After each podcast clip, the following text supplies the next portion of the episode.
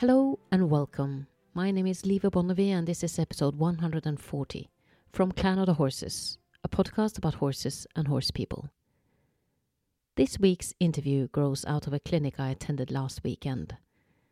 Just as many Norwegians are born with skis on their feet, some Americans are born with their feet in the stirrups, like today's guest, Jeff Sanders, who has built his horsemanship on a tradition that goes back six generations or around 170 years in his own family. In this episode, we will look back at the origin of the California Vaquero and talk about what we have lost along the way.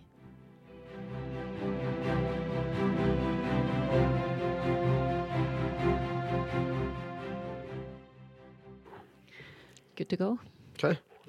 Okay, Jeff, um, welcome to this Norwegian uh, studio. Yeah. I apologize for spring being rather cold. It's a little chilly, but that's all right. We brought warm clothes. That's good. So, um, when I invite guests to my podcast, I usually like to ask them how it all started Okay. with their passion for horses. Yeah.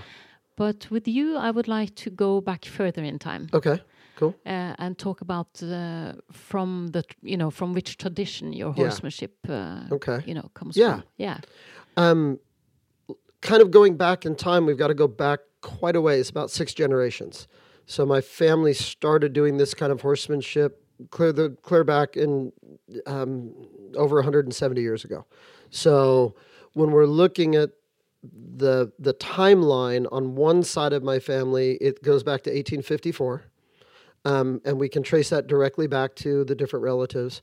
And the other side of the family is five generations. So on one side is six generations, the other side is five. And it's just kind of been part of the family tradition, the family business um, for that long. The horses, the cattle, but primarily the horses. So, can you say something about um, what kind of tradition you grow out of? Yeah, the the old California horsemanship tradition actually started here in Europe, and it's basically the horsemanship the Spanish took with them, the old war riding, that old historical kind of riding, and then it it changed over time and was adapted to the environment in California. So they didn't need the horsemanship as much for warfare and they but they did need the horsemanship for working with the cows. And what they found was that the same horsemanship that they used for fighting was very effective in the cow work. So that just applied um, to everything they needed there in california raising cattle because at the time that was the primary industry. And it was cattle primarily raised for hides and for the tallow for the fat. Um, there wasn't a way to preserve meat and stuff at that time so that was the the primary export in California, and to work the cattle, they needed the horses. Um, and it was also cultural. Horsemanship was very, very highly valued in the culture, and the horsemen of the time, like what they call the haciendados or the the the royalty, the the the owners of the ranches, that kind of thing they all came out of the old Spanish traditional horsemanship, and they were kind of like the rock stars of, of the time. They were what everybody wanted to emulate. So when you look at it, all of the younger people were trying to aspire to be better riders.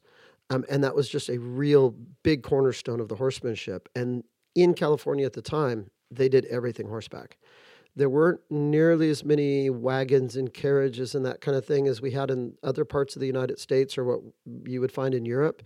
Most everybody rode horseback. Men, women, children, everybody was horseback. Um, a child, when they were born, when they were first born, they'd wrap the kid up, hand it to an uncle, and the uncle would gallop to the church. So it's kind of like your introduction to life is welcome to the world. You're at full gallop to the church to get blessed by the priest. I mean, that was kind of the culture and that culture had continued for quite a long time and was still very strong when I was a kid growing up um, there on the coast of California around Santa Barbara, San Ynez area. And that pride in horsemanship, you really you got respect in your community by how well you rode. Um, and that created a whole unique kind of horse culture that didn't really exist in other places in the world in quite the same way. And they were referred to as vaqueros? Yeah, yeah, which is just Spanish word for cowboy. Yeah. But when we look at the vaquero horsemanship, and we think of the American cowboy, the two are not the same. When the American cowboy really, we think of that classical American cowboy kind of thing that you would see in the movies and that kind of stuff. That didn't really start to emerge until after our American Civil War, which was the 1860s. Um, by that time in California, we'd already been doing the same kind of stuff for over 100 years. And the other thing that was different was like if you were in Texas in the 1800s and two guys got in a fight and they decided they want to kill each other, they'd start shooting at each other.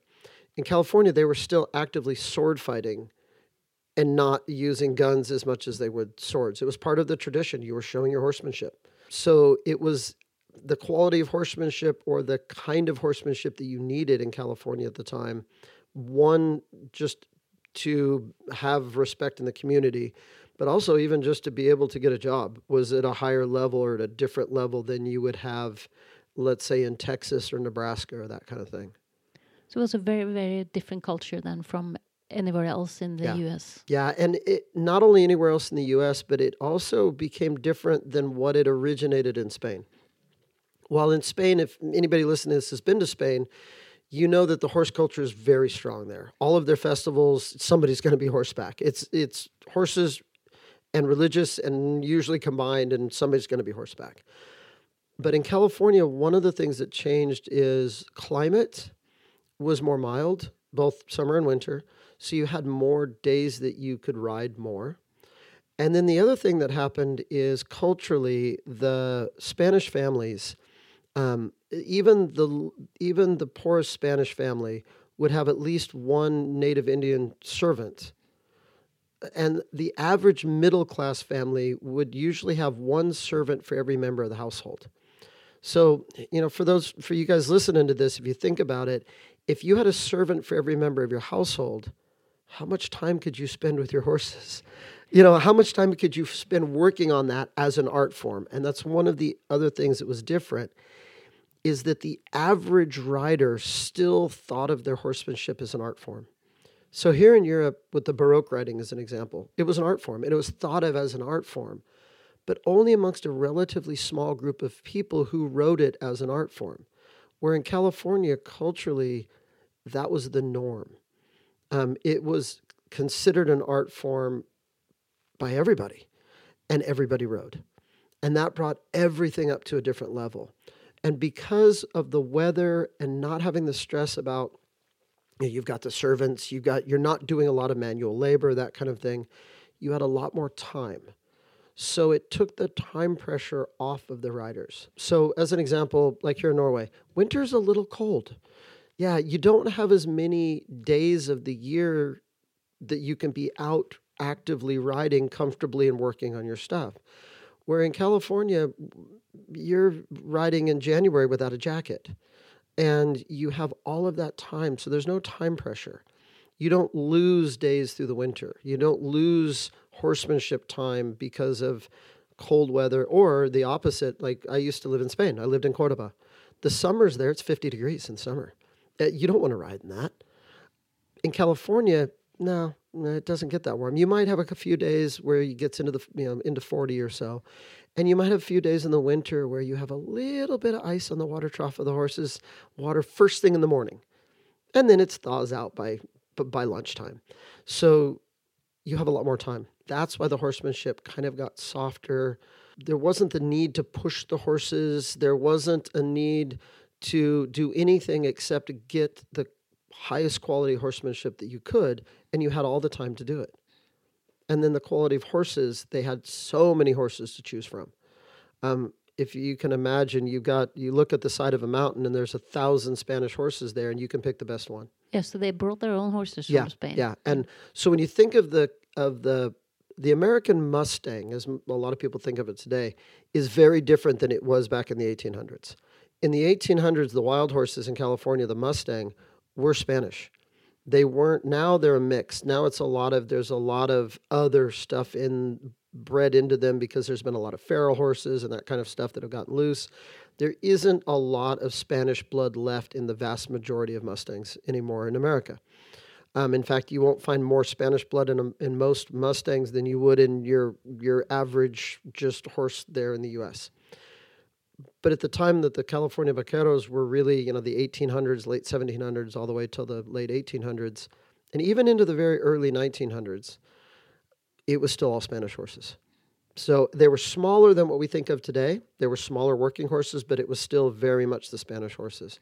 So you think about how a Spanish horse moves, the kind of things you can do with a good Spanish horse, and then you think you've got a thousand of them on the side of the mountain to choose the best one. Now, what kind of horsemanship level can you reach with that horse as your partner? You have the best pos- possible partner to work with, and you're surrounded by people who ride well, and that's how the community judges your worth. It brings everybody up in their horsemanship. Sounds like a very good place to grow up. It was. It was. Unfortunately, we've lost a lot of it now. Over the last decades, it was what happened is in the 80s, in the US, the economy was growing, it was booming, a lot of people had money, and they wanted to do these big championship shows. So, what they did was they decided to have the big national championship shows, the big world shows now in Oklahoma, Texas area because it's kind of in the middle of the country. So if they're coming from Florida or California, it's pretty equal. But the problem is the horse culture was very different in the rest of the country.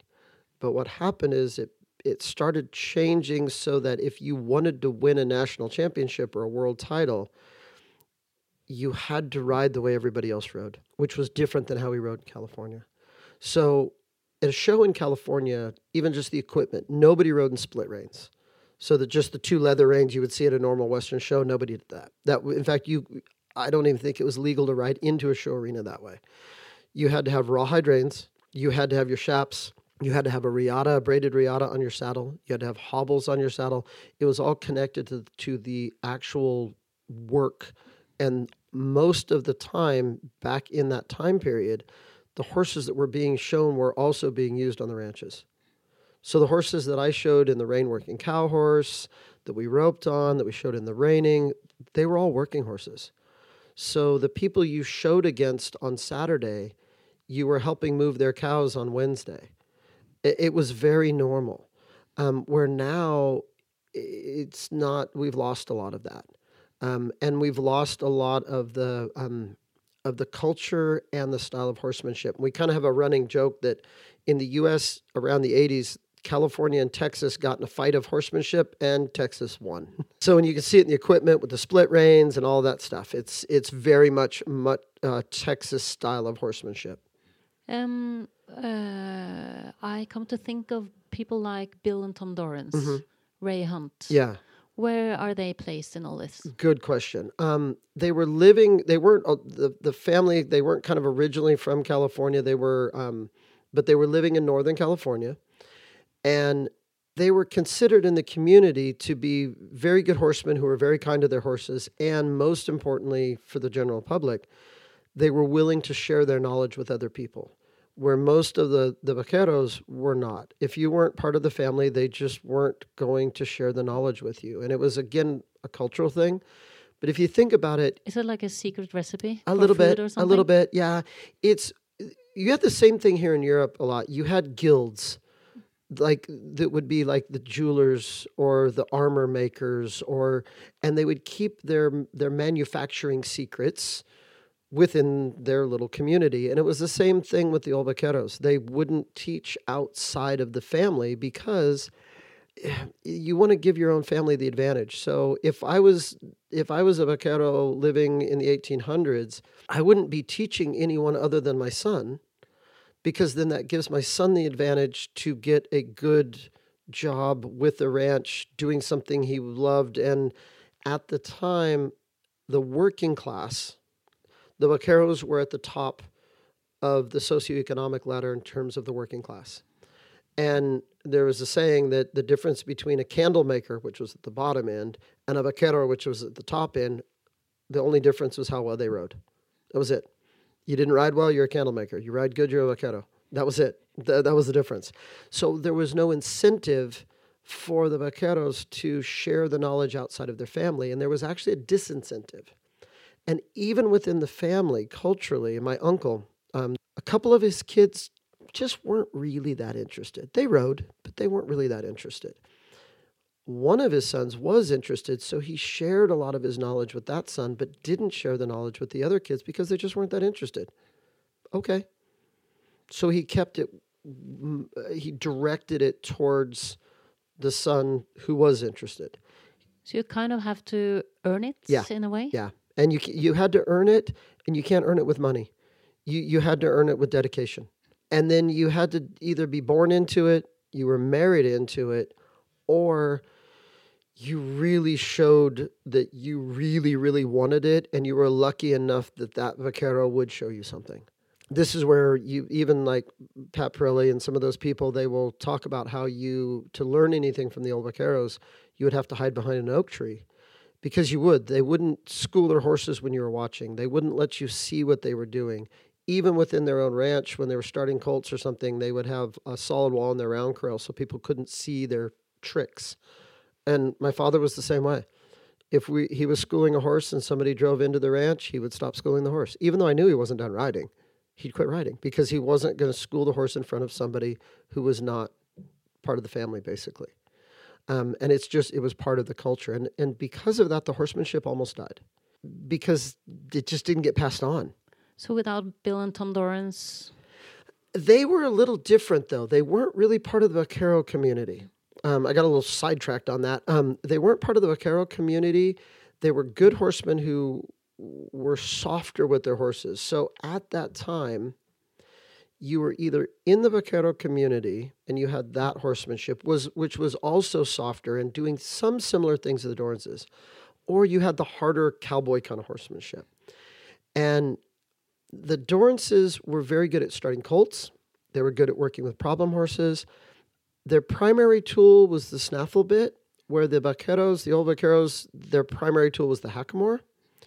The, also, the old vaqueros didn't they didn't do a lot with problem horses. They did a lot of colt starting, but the colt starting was specific to I'm going to start this colt and now I'm going to be riding this colt for the next 20 or 30 years. It wasn't I'm going to start uh, you know 100 colts this year for 100 different people. So it was a very different dynamic. The starting of the colt was I'm starting this horse and I'm thinking about what am I going to be doing with this horse in the next 5, 10, 15 years, not what am I doing with this horse in the next 5 weeks or 3 months before I send it back to its owner. So it's, it's a very different kind of dynamic when we're looking at it. So the Dorrances were very good at the colt starting. They were very good at, at working with the horse's mind. And most people thought that was very unique. The people who were in the vaquero community were like, well, yeah, that's, of course, that's what, that's normal. Because in the community it was, but outside the vaquero community it wasn't. Okay. And then like Ray Hunt was a different story with him. Before he worked with the Dorrances, he was not a good horseman. And I know a lot of people get mad when I say it, but it's just true. Um, and my I know firsthand from my family, my mom, my dad, they all lived in the same area and grew up. They were all riding together at the same, you know, they're showing wi- with each other, the whole kind of thing. And Ray Hunt was very hard with the horses. He was the typical hard cowboy, force the horse to work kind of attitude. And he had a lot of trouble and to the point where some of the stuff wasn't safe that he was doing. His whole thing before he worked with the Dorrances is, I have a saddle in the back of my truck. You tell me where the horse, the horse, and I'll ride it, and that was it. Then he went and worked with the Dorrances, and because his horsemanship changed so much, people noticed and said, "Wow, that big change in your horsemanship." And he credited the credited the Dorrance with that change, and that's basically how the Dorrances even really became known um, throughout throughout the the area there in California. If it wasn't for Ray Hunt, most people never would have heard of the Dorrances. They they would have been a family of cowboys up in Northern California who were good cowboys, and that would have been it. Um, but because Ray made such a big change in his horsemanship, it got noticed. And then he was doing a lot of colt starting clinics, and at the time, clinics weren't a thing like they are now. Um, and especially colt starting clinics were not a thing. And you didn't do a colt starting clinic. You either started your own colt or you sent the colt to a trainer to start, and that was it. So not only did he do the clinics, but he did them in a very unique way where he would use the herd dynamic and he would have, you know, 10, 12 horses all together. everybody would get on, and the first ride would be with no bridle, no halter, no nothing. Um, and it was very unique and it got a lot of attention. And as he was teaching these clinics, he would talk a lot about the Dorrances and he would talk a lot about the mental part of working with the horse's mind.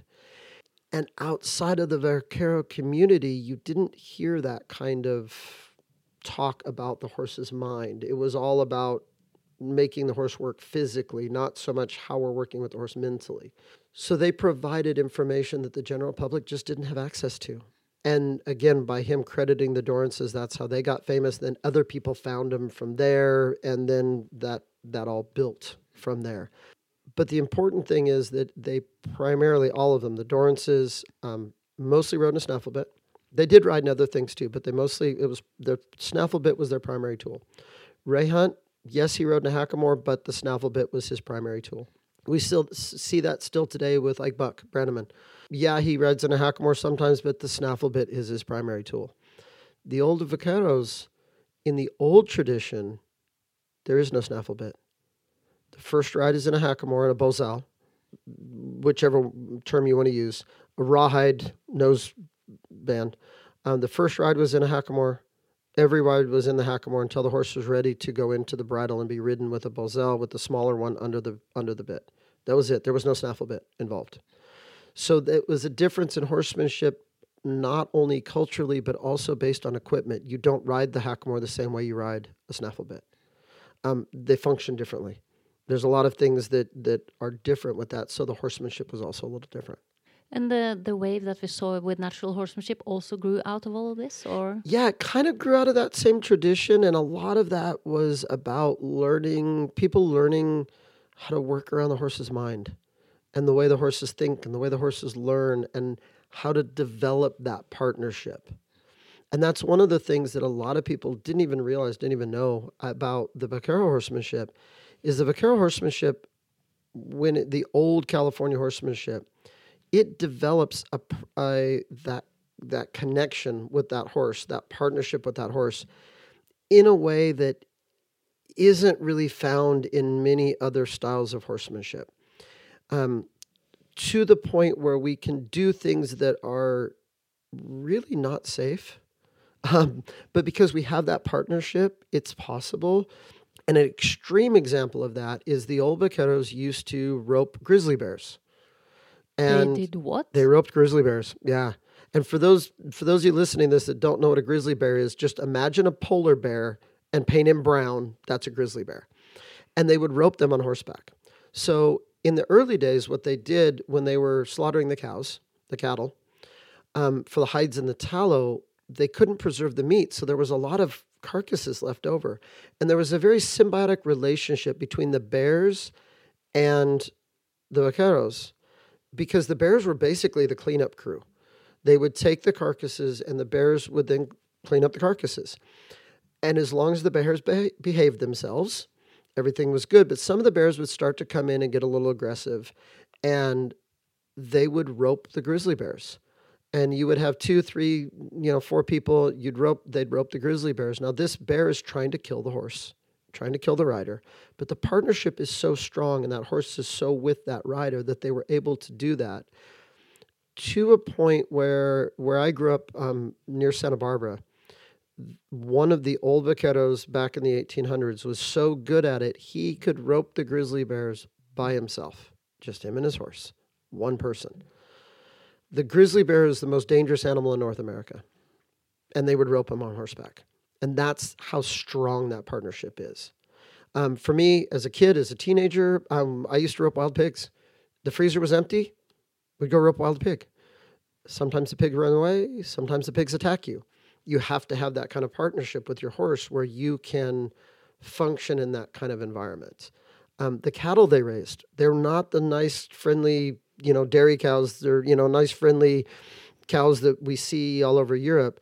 Those cows, um, they were they were dangerous on purpose because at the time you had the bears, you had the mountain lions, you had animals that would kill the calves, they would kill the babies. You wanted cows that would fight to protect their babies.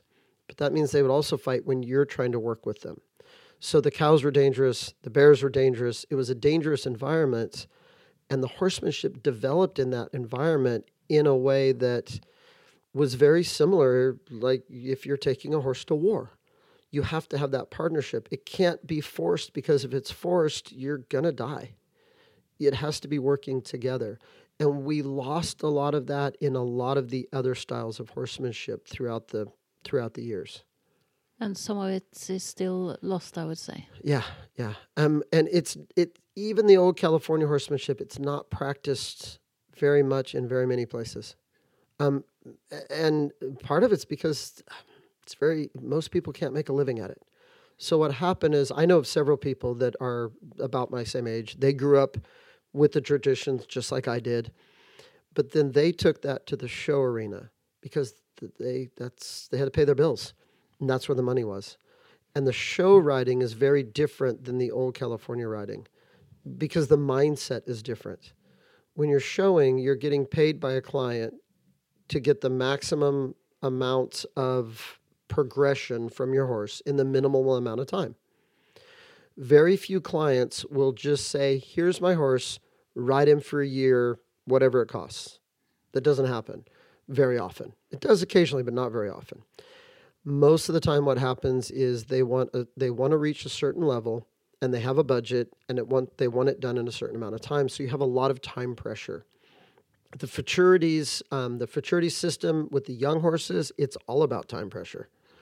Take a young horse, get him to f- perform at the maximum level possible in the shortest amount of time possible.